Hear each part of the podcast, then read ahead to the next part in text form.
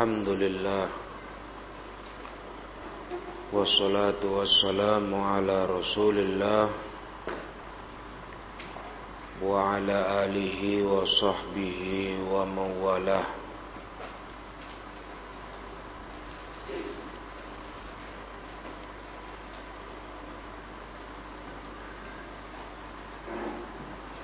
Kita sekarang sampai di ayat 34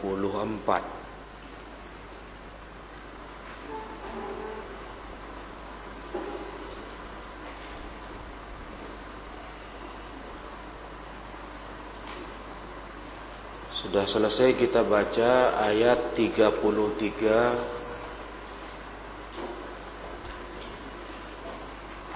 Perintah Allah kepada para istri Rasulullah sallallahu alaihi wasallam agar yang namanya perempuan itu banyak-banyak tinggal di rumah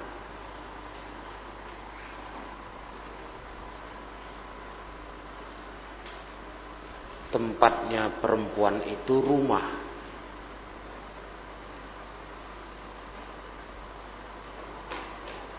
Itu yang seharusnya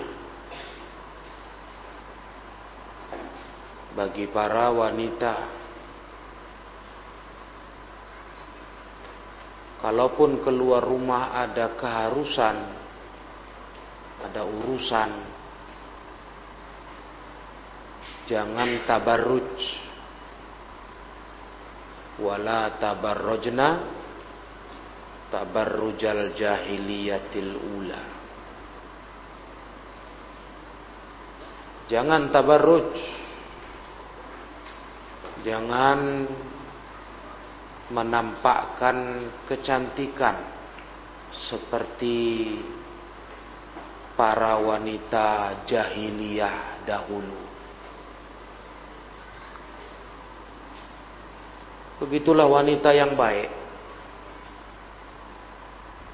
Wanita itu yang terbaik adalah di dalam rumahnya saja. Bukan wanita karir yang keluar rumah tiap saat. Nah,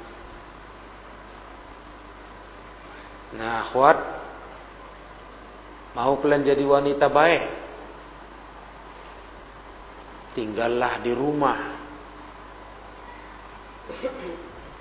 Boleh keluar kalau ada perlu dengan tetap menjaga auratmu, sembunyikan kecantikanmu. Pada pelajaran waktu itu udah ada kalian catat ya.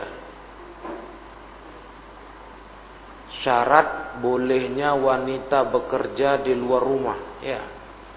Sudah belum?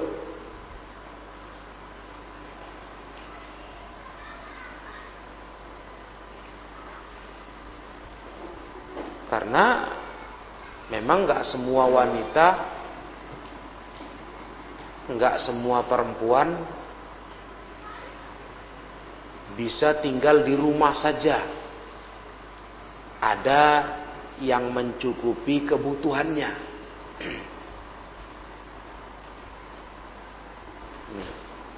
Ada suaminya, ada ayahnya yang mencukupi kebutuhannya. Ada juga wanita dia harus cari duit harus cari kerja karena nggak ada yang mencukupi kebutuhannya. Nggak bersuami. Kalaupun ada suaminya mungkin suaminya sakit cacat. Atau dia belum menikah orang tuanya susah. Kurang kebutuhannya kalau dia nggak keluar rumah bekerja tapi ada syarat boleh dia bekerja dengan dua syarat utama.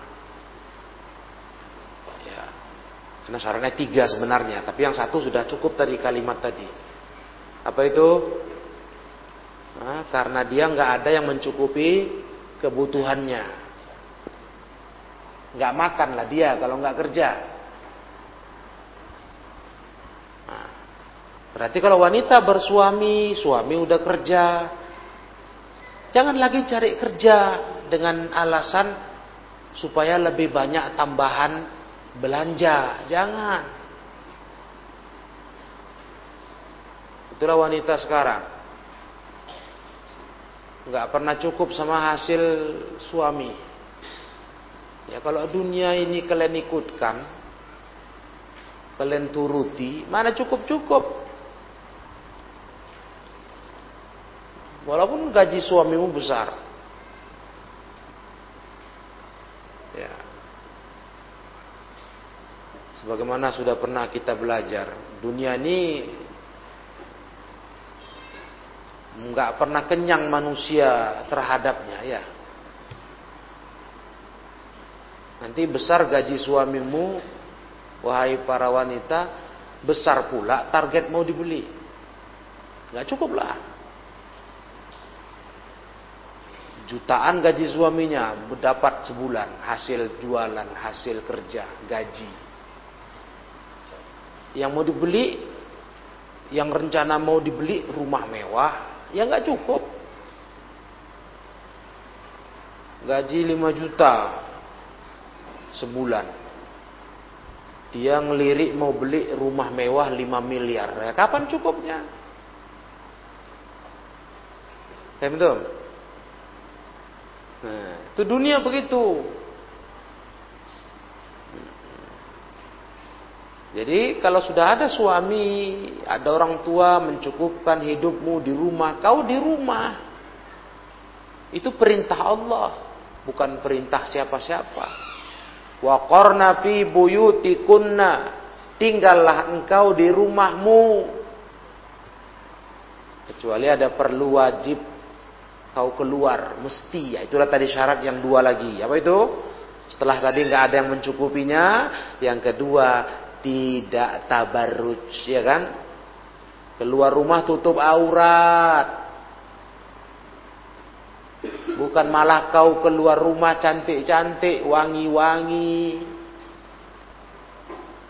Berdandan cantik-cantik. Mengundang syahwat ini kelakuan para wanita pelacur. Itu syarat kedua.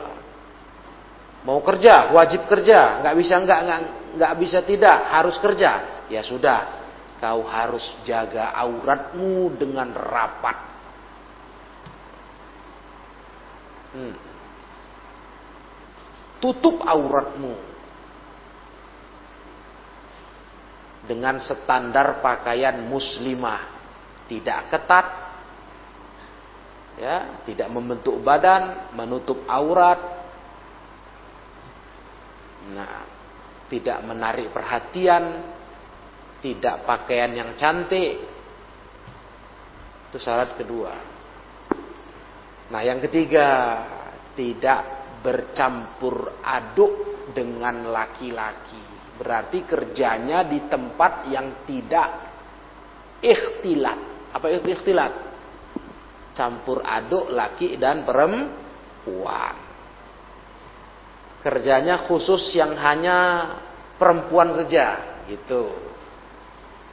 Bukan kerja yang campur-campur laki perempuan. Nah, nggak boleh kata Syekh Salih bin Fauzan Al Fauzan. Itu fatwa Syekh Salih bin Fauzan Al Fauzan. Tiga syaratnya itu.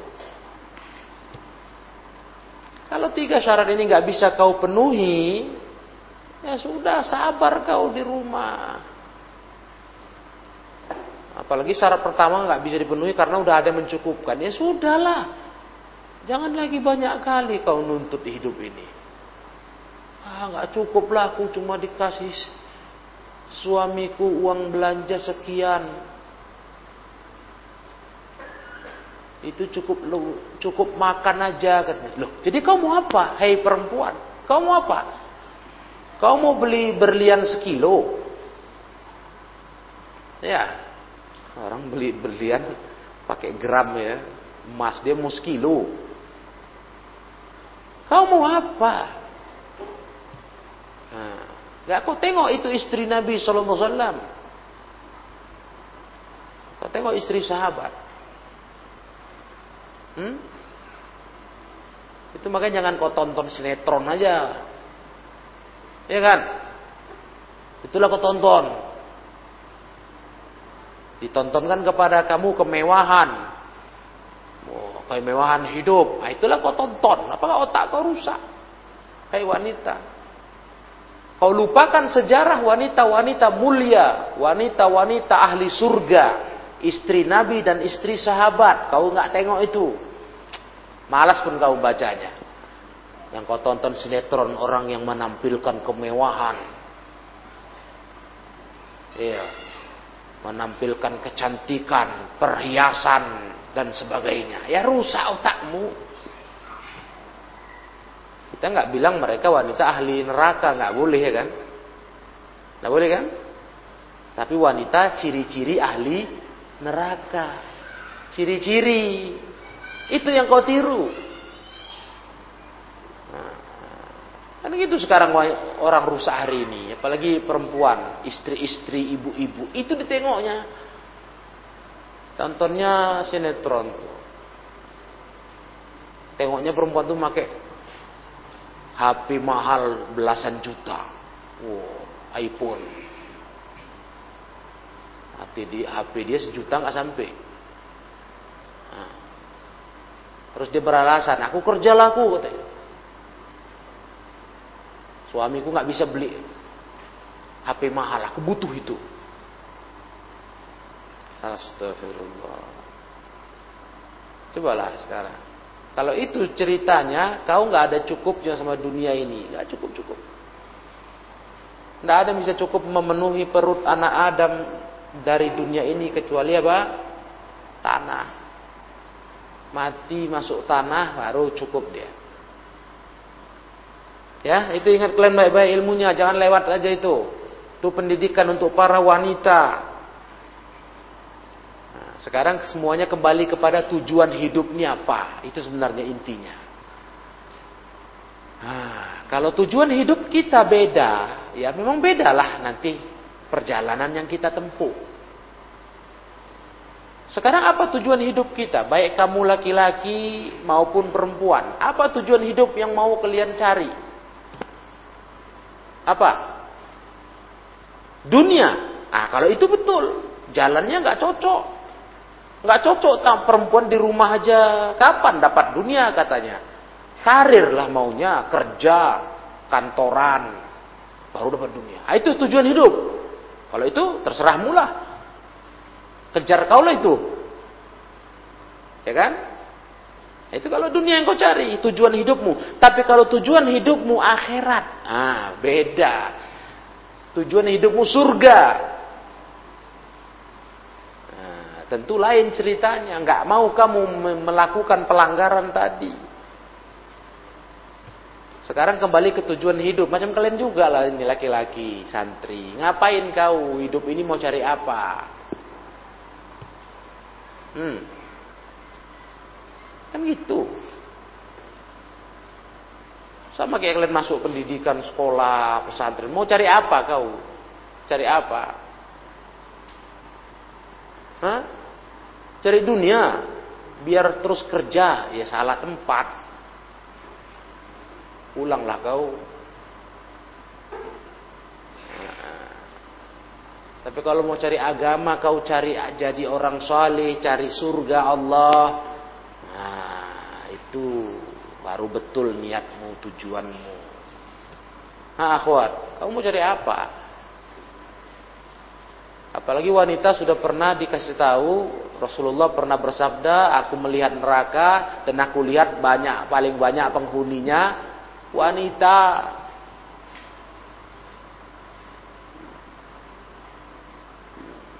Paling banyak penghuni neraka wanita. Nah. Harusnya kalian berusaha, jangan sampai aku masuk neraka, kebanyakan perempuan di neraka. Salah satunya ini dia yang Allah ajarkan ke istri Nabi, tinggal di rumah saja. Ya kan?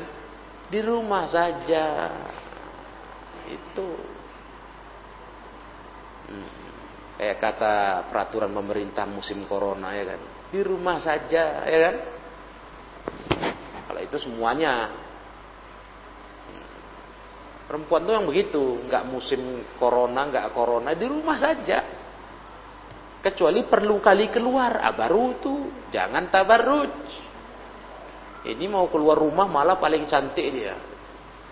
Di, di rumah kemarin kita belajar bau belacan, bau busuk, bau keringat, keluar masya Allah.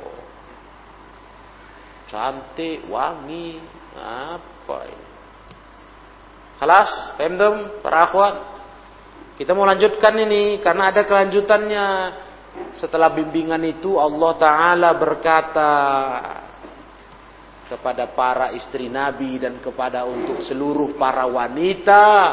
Wadhkurna ma yutsla fi buyutikunna min ayatillahi wal hikmah. Nah, tuh para perempuan.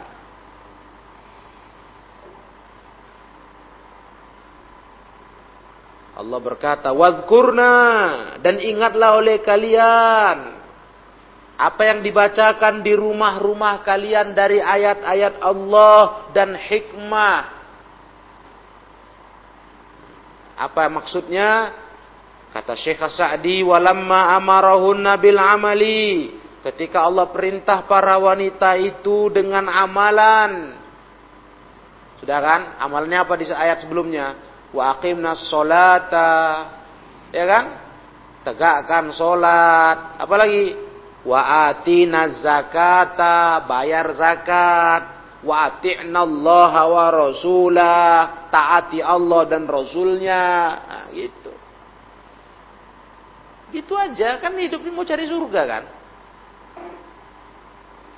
Ngapain repot kali? Kalau bisa lah laki-laki itu nggak keluar rumah, puntang panting kerja, ya milih di rumah kita.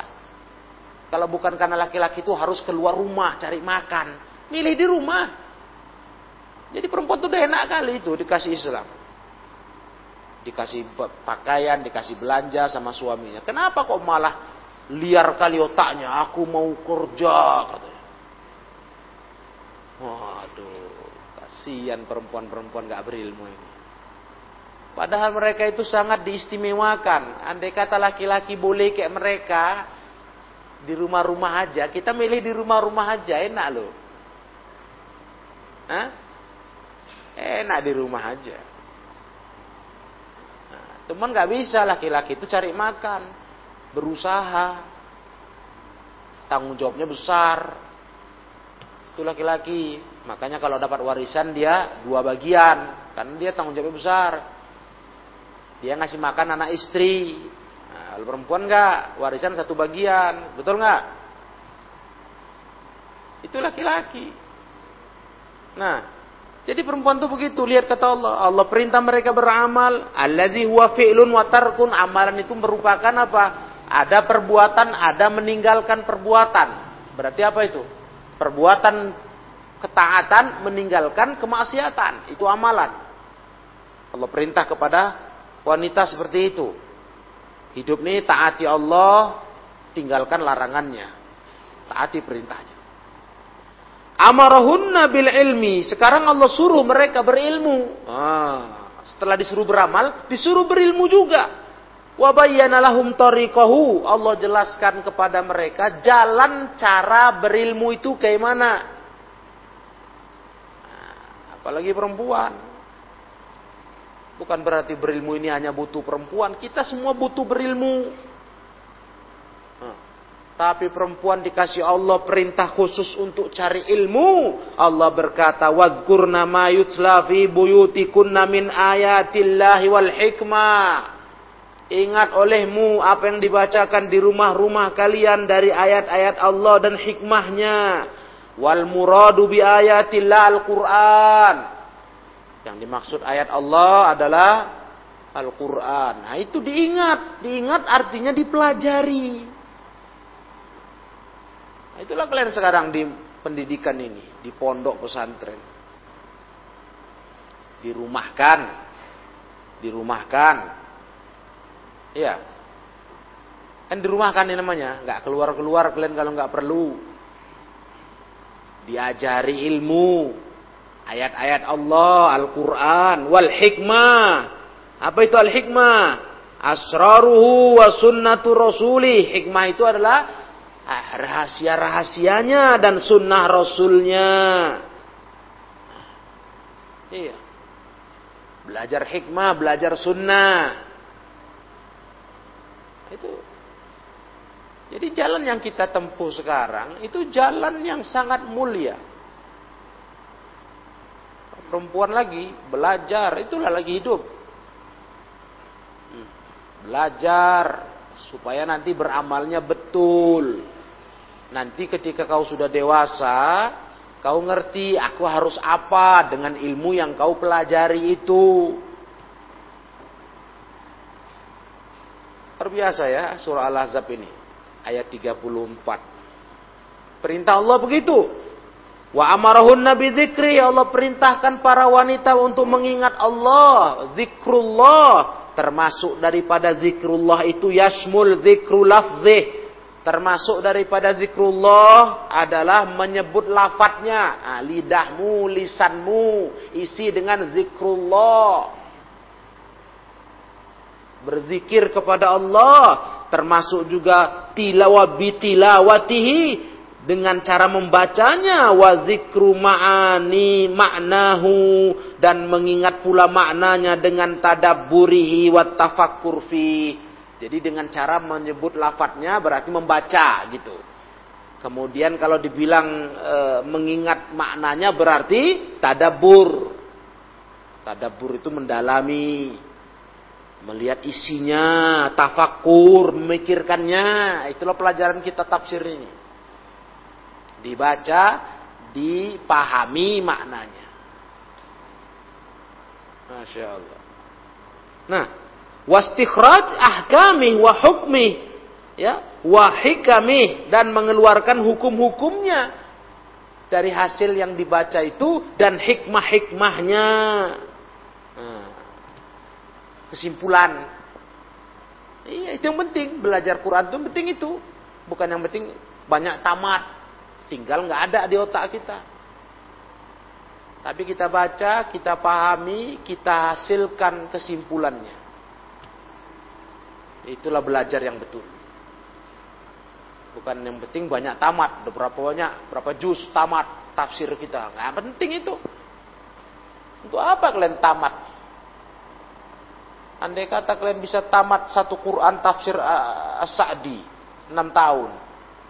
Tapi nggak ada ingat apa-apa, nggak ada berkesan dalam pikiranmu, nggak membentuk cara pikirmu dan jiwamu. Untuk apa? Hmm? Ilmu itu bukan hanya yang kita baca saja, tapi yang kita pahami, kita amalkan. Habis baca ini, belajar ini, nggak nempel. Untuk apa? Tamat dari pondok, bukan malah di rumah jadi anak rumahan, keliaran, keluyuran, akhwatnya, ya kan? Katanya udah baca surah Al-Ahzab, udah tahu ayatnya, wa qarna fi buyutikunna. Tamat dari pondok, la haula wala quwata illa billah. Keluyuran ke sana kemari. Aduh. Tabarruj Nah, untuk apa itu? Gak perlu kita seperti itu. Nah. Wa dzikrul amal bihi wa ta'wili dan disebut mengingat beramal dengannya begitu pula takwilnya. Ingat-ingat kepada Allah itu dengan cara begitu. Lafadznya dibaca, kalamullah, dipahami maknanya, diamalkan isinya. Makanya kata sahabat ada riwayat, kami nggak pernah melewati 10 ayat Quran belajar. Kecuali kami paham betul, baru nambah. Ya, karena untuk apa kalau cuma banyak-banyakan tamat, banyak-banyakan bacaan. Tapi nggak ada hasil. Itu apa? Jelas lagi kau hanya belajar misalnya ini. Si akhwat hanya belajar satu surah Al-Ahzab ayat 33. Ya, paham dia, ngerti dia tugas sebagai wanita. Oh, aku nggak nggak nggak boleh keluyuran kalau nggak perlu di rumah saja. Kalaupun keluar jaga aurat, tutup kecantikanku jangan tunjukkan ke orang. Ah, diamalkannya itu, masya Allah. Satu ayat aja dia belajar. Ya. Tapi diamalkannya, ah jadilah dia wanita masya Allah, salihah. Itu, itu yang penting. Ini baca banyak, hebat kali, tamat banyak ayat. Ujian mumtaz, konten 10. Tapi tak ada ilmunya nempel. Nah, ini nggak perlu kita. Dengar itu akhwat. Ini penting kali wanita seperti ini. Karena wanita salah satu alat setan.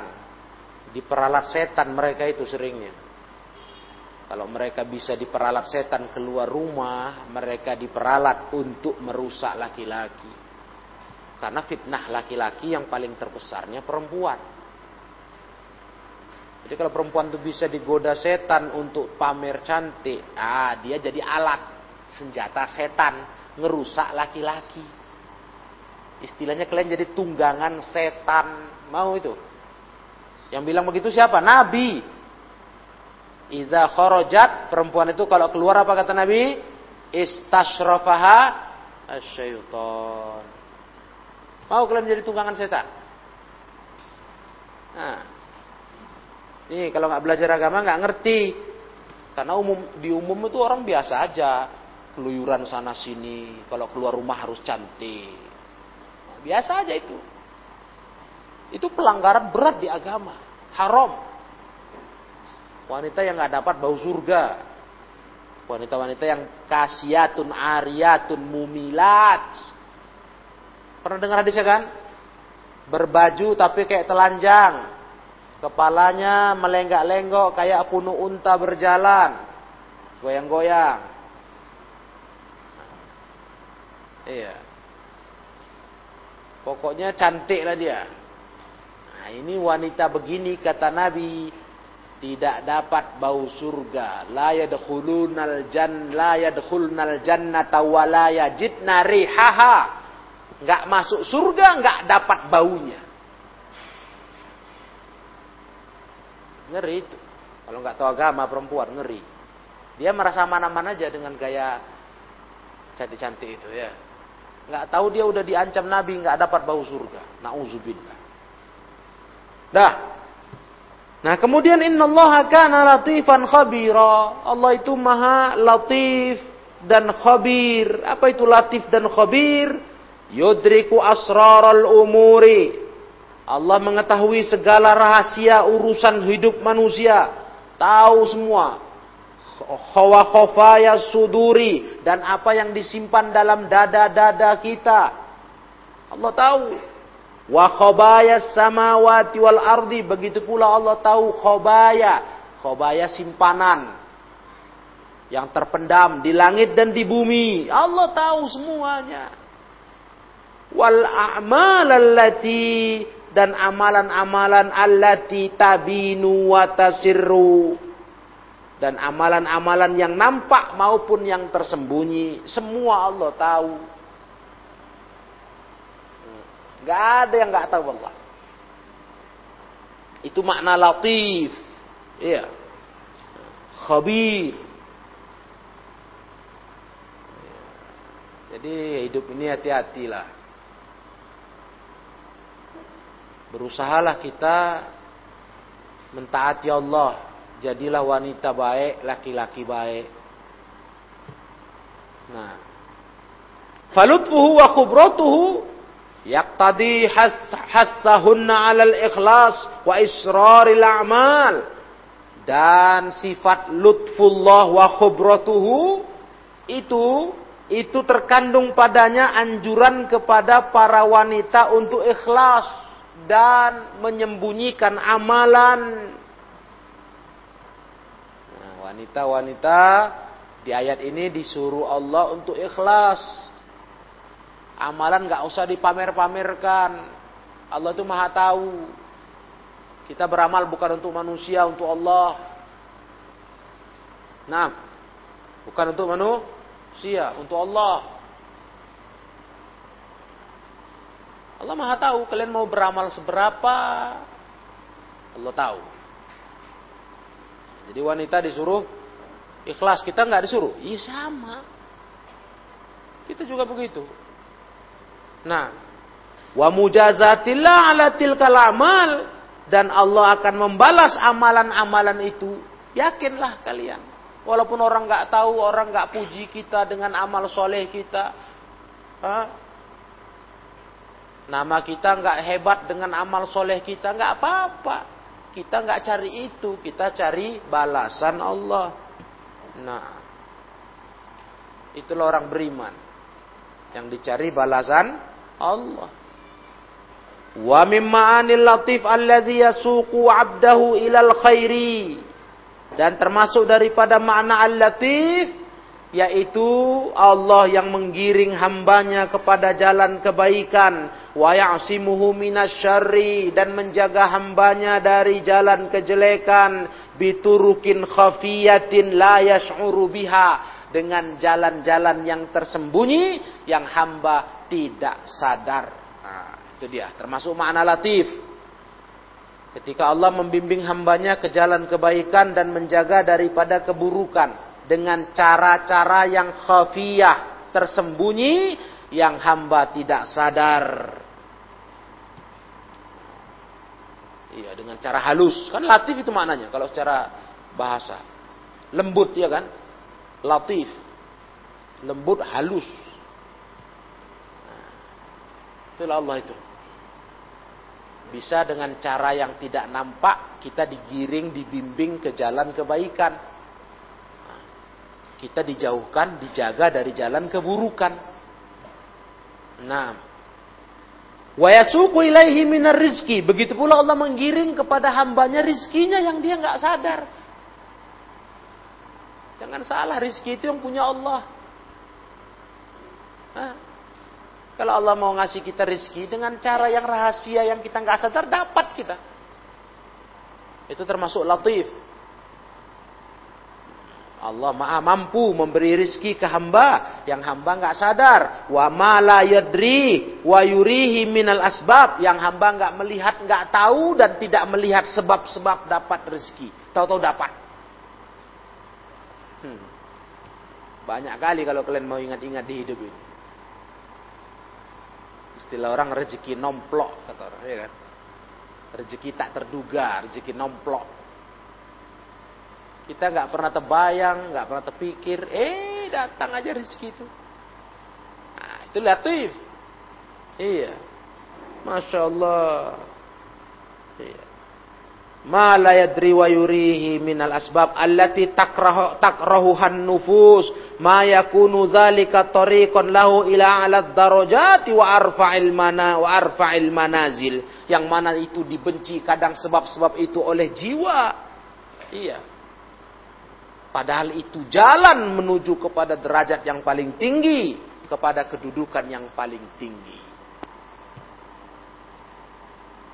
tanpa terasa. Padahal kalau kalau dia tahu dia tahu itu mungkin gak suka dia. Tapi tanpa terasa dia dapat rizki dari Allah Ta'ala. Yang dengan itu akan naiklah derajatnya ke derajat yang paling tinggi kedudukan yang paling tinggi. Nah itu ayat 34 mengajak kita khususnya para wanita Jadilah perempuan yang banyak berzikir kepada Allah. Belajar agama. Hah. Iya. Dan luruskan niatmu. Kau cari apa di hidup ini? Sekarang gitu aja lah sudah. Semua tergantung niat. Apa tujuan terbesar cita-citamu di hidup ini? Coba dulu. Kau renungkan, kau pikirkan. Apa? Hah?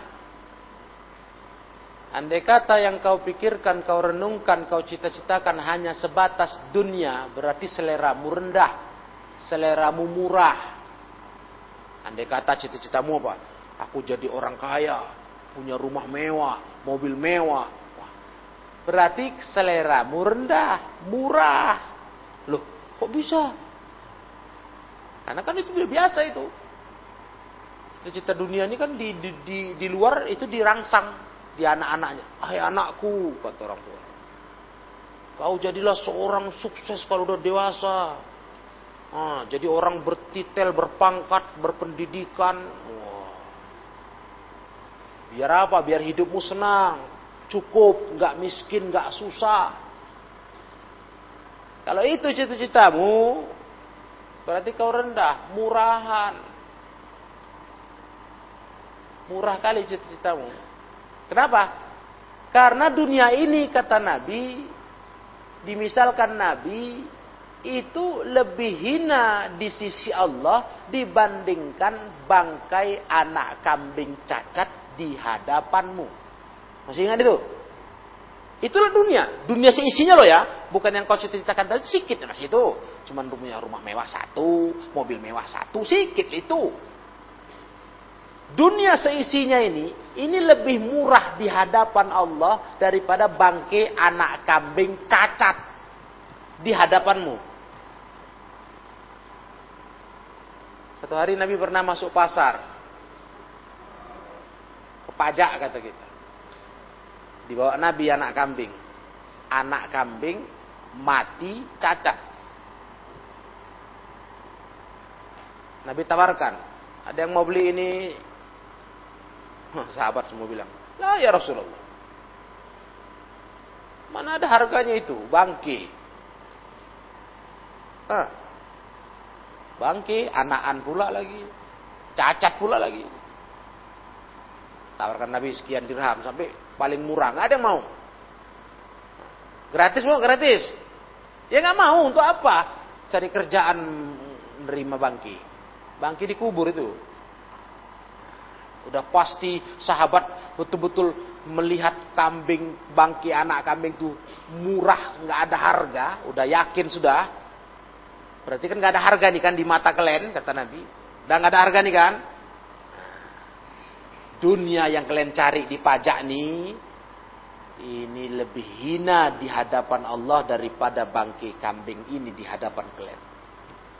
Murah kali ini di depan Allah dunia yang kalian cari ini.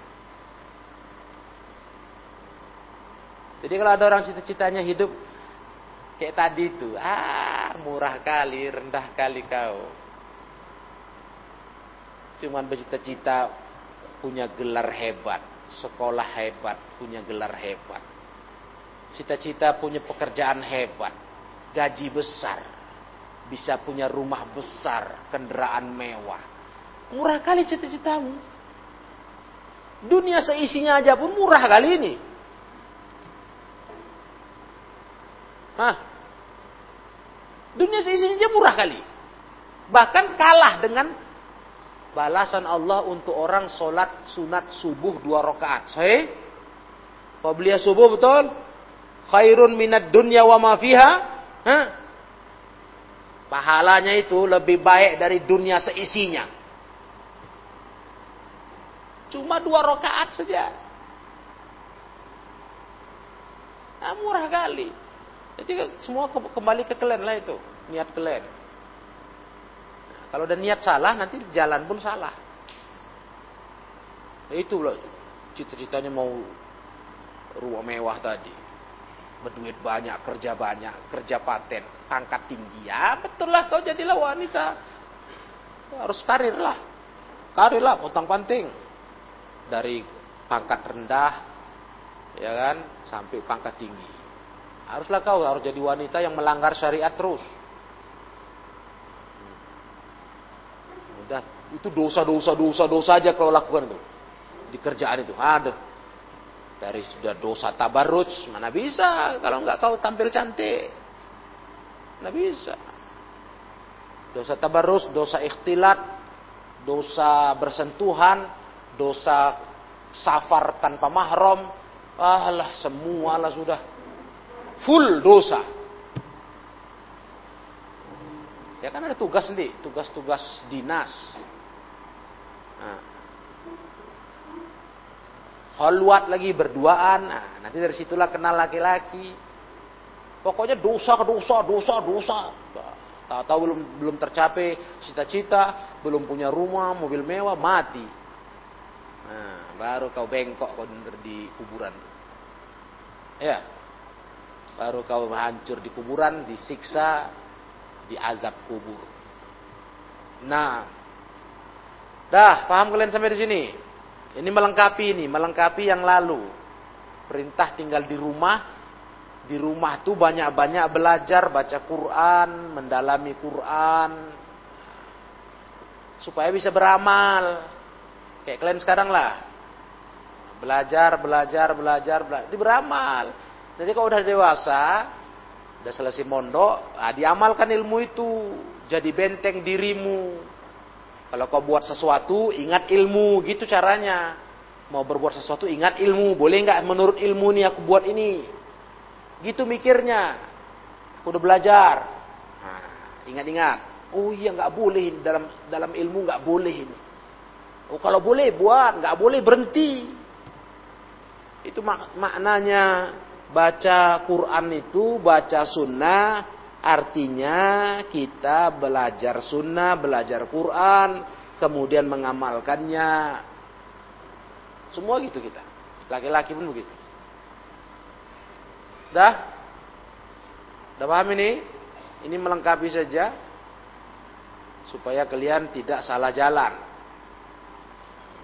Ya. Supaya kita berjuang sama-sama menjadi ahli surga. Berusaha karena nggak gampang. Jangan cerita enak di mulutmu aja kayak cerita beli es krim aja.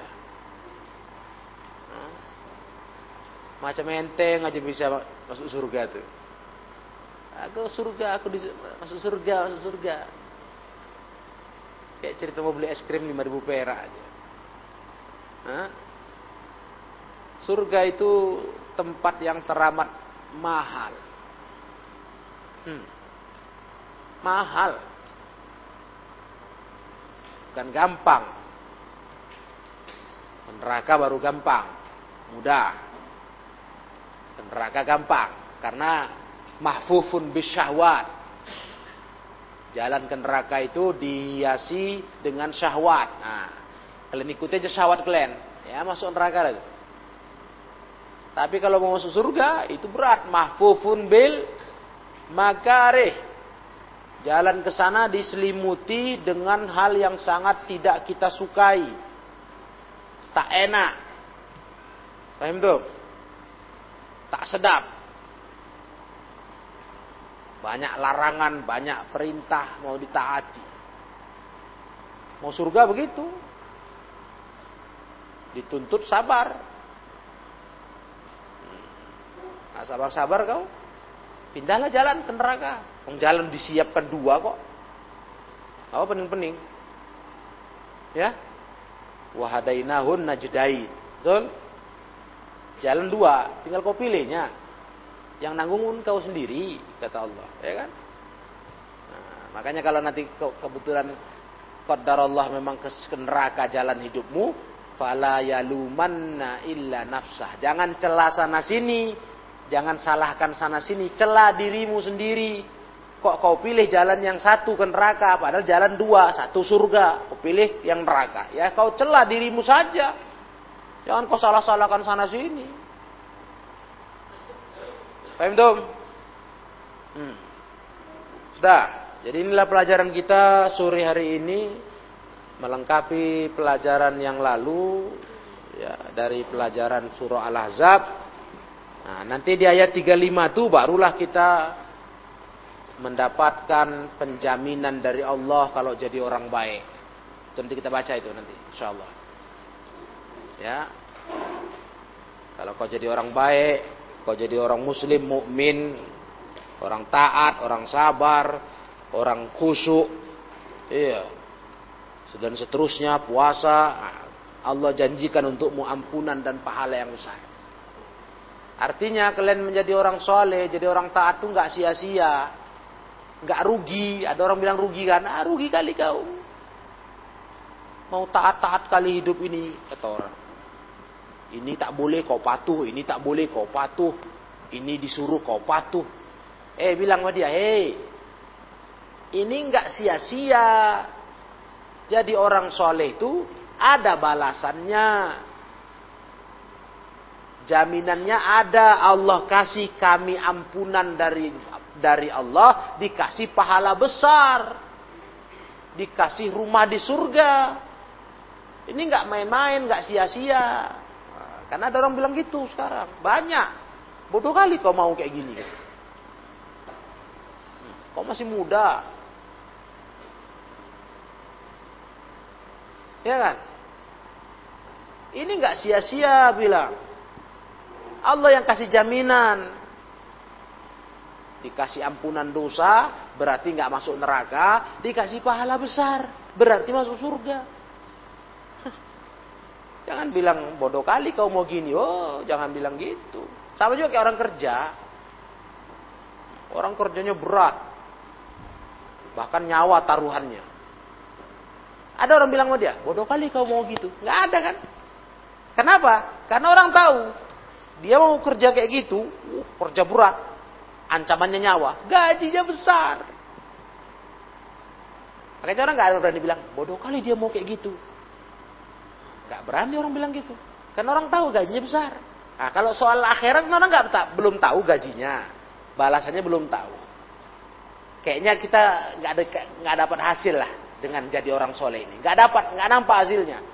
Tapi itu semua dikumpul di sisi Allah balasanmu nanti. Balasanmu teramat mahal. Kalau orang kerja susah-susah, payah-payah, korban apa bertaruh nyawa, itu balasannya dunia, itu murah. Murah. Teringat mualim ada musibah itu yang menimpa penambang emas. Itu saking mau cari emas toh kalian di gunung. Itu mereka lobangi gunung, gunung batu. Masuk dia itu masuk bukan tegak, tidur kayak merayap. Jadi keluarnya mundur. Bayangan tuh. Tapi nggak ada orang bilang, bodoh kali mau kayak gitu, payah kali gitu cari duit. Resikonya besar, iya besar lah. Terakhir betul. Rupanya karena dilobangin begitu, runtuh dia, ditimbun hidup-hidup, mati. Lagi di dalam itu. Tak bisa diambil mayatnya. Tapi hasilnya kalau dia dapat emas, tambang emas. Kok mau dia kayak gitu? Bertaruh nyawa. Wah, duh nggak tahu lah kita kayak mana itu di dalam itu.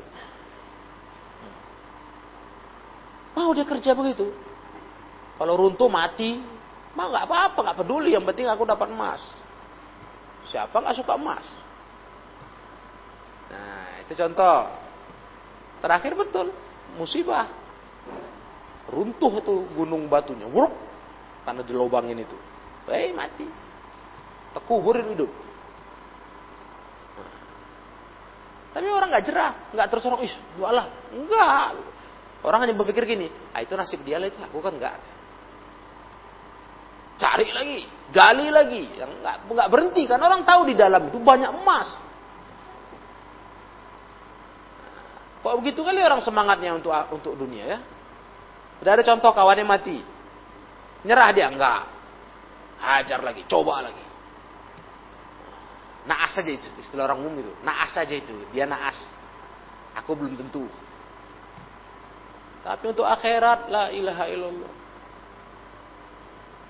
Malas sekali manusia ini.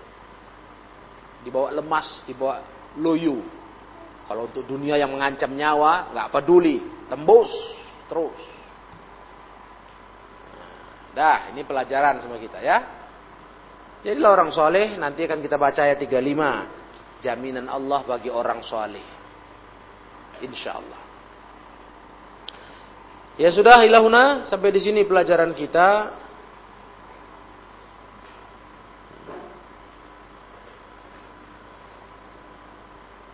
Bisawab. Subhanakallahumma wa bihamdika ashhadu an la ilaha illa anta astaghfiruka wa atubu ilaik. Walhamdulillahi rabbil alamin.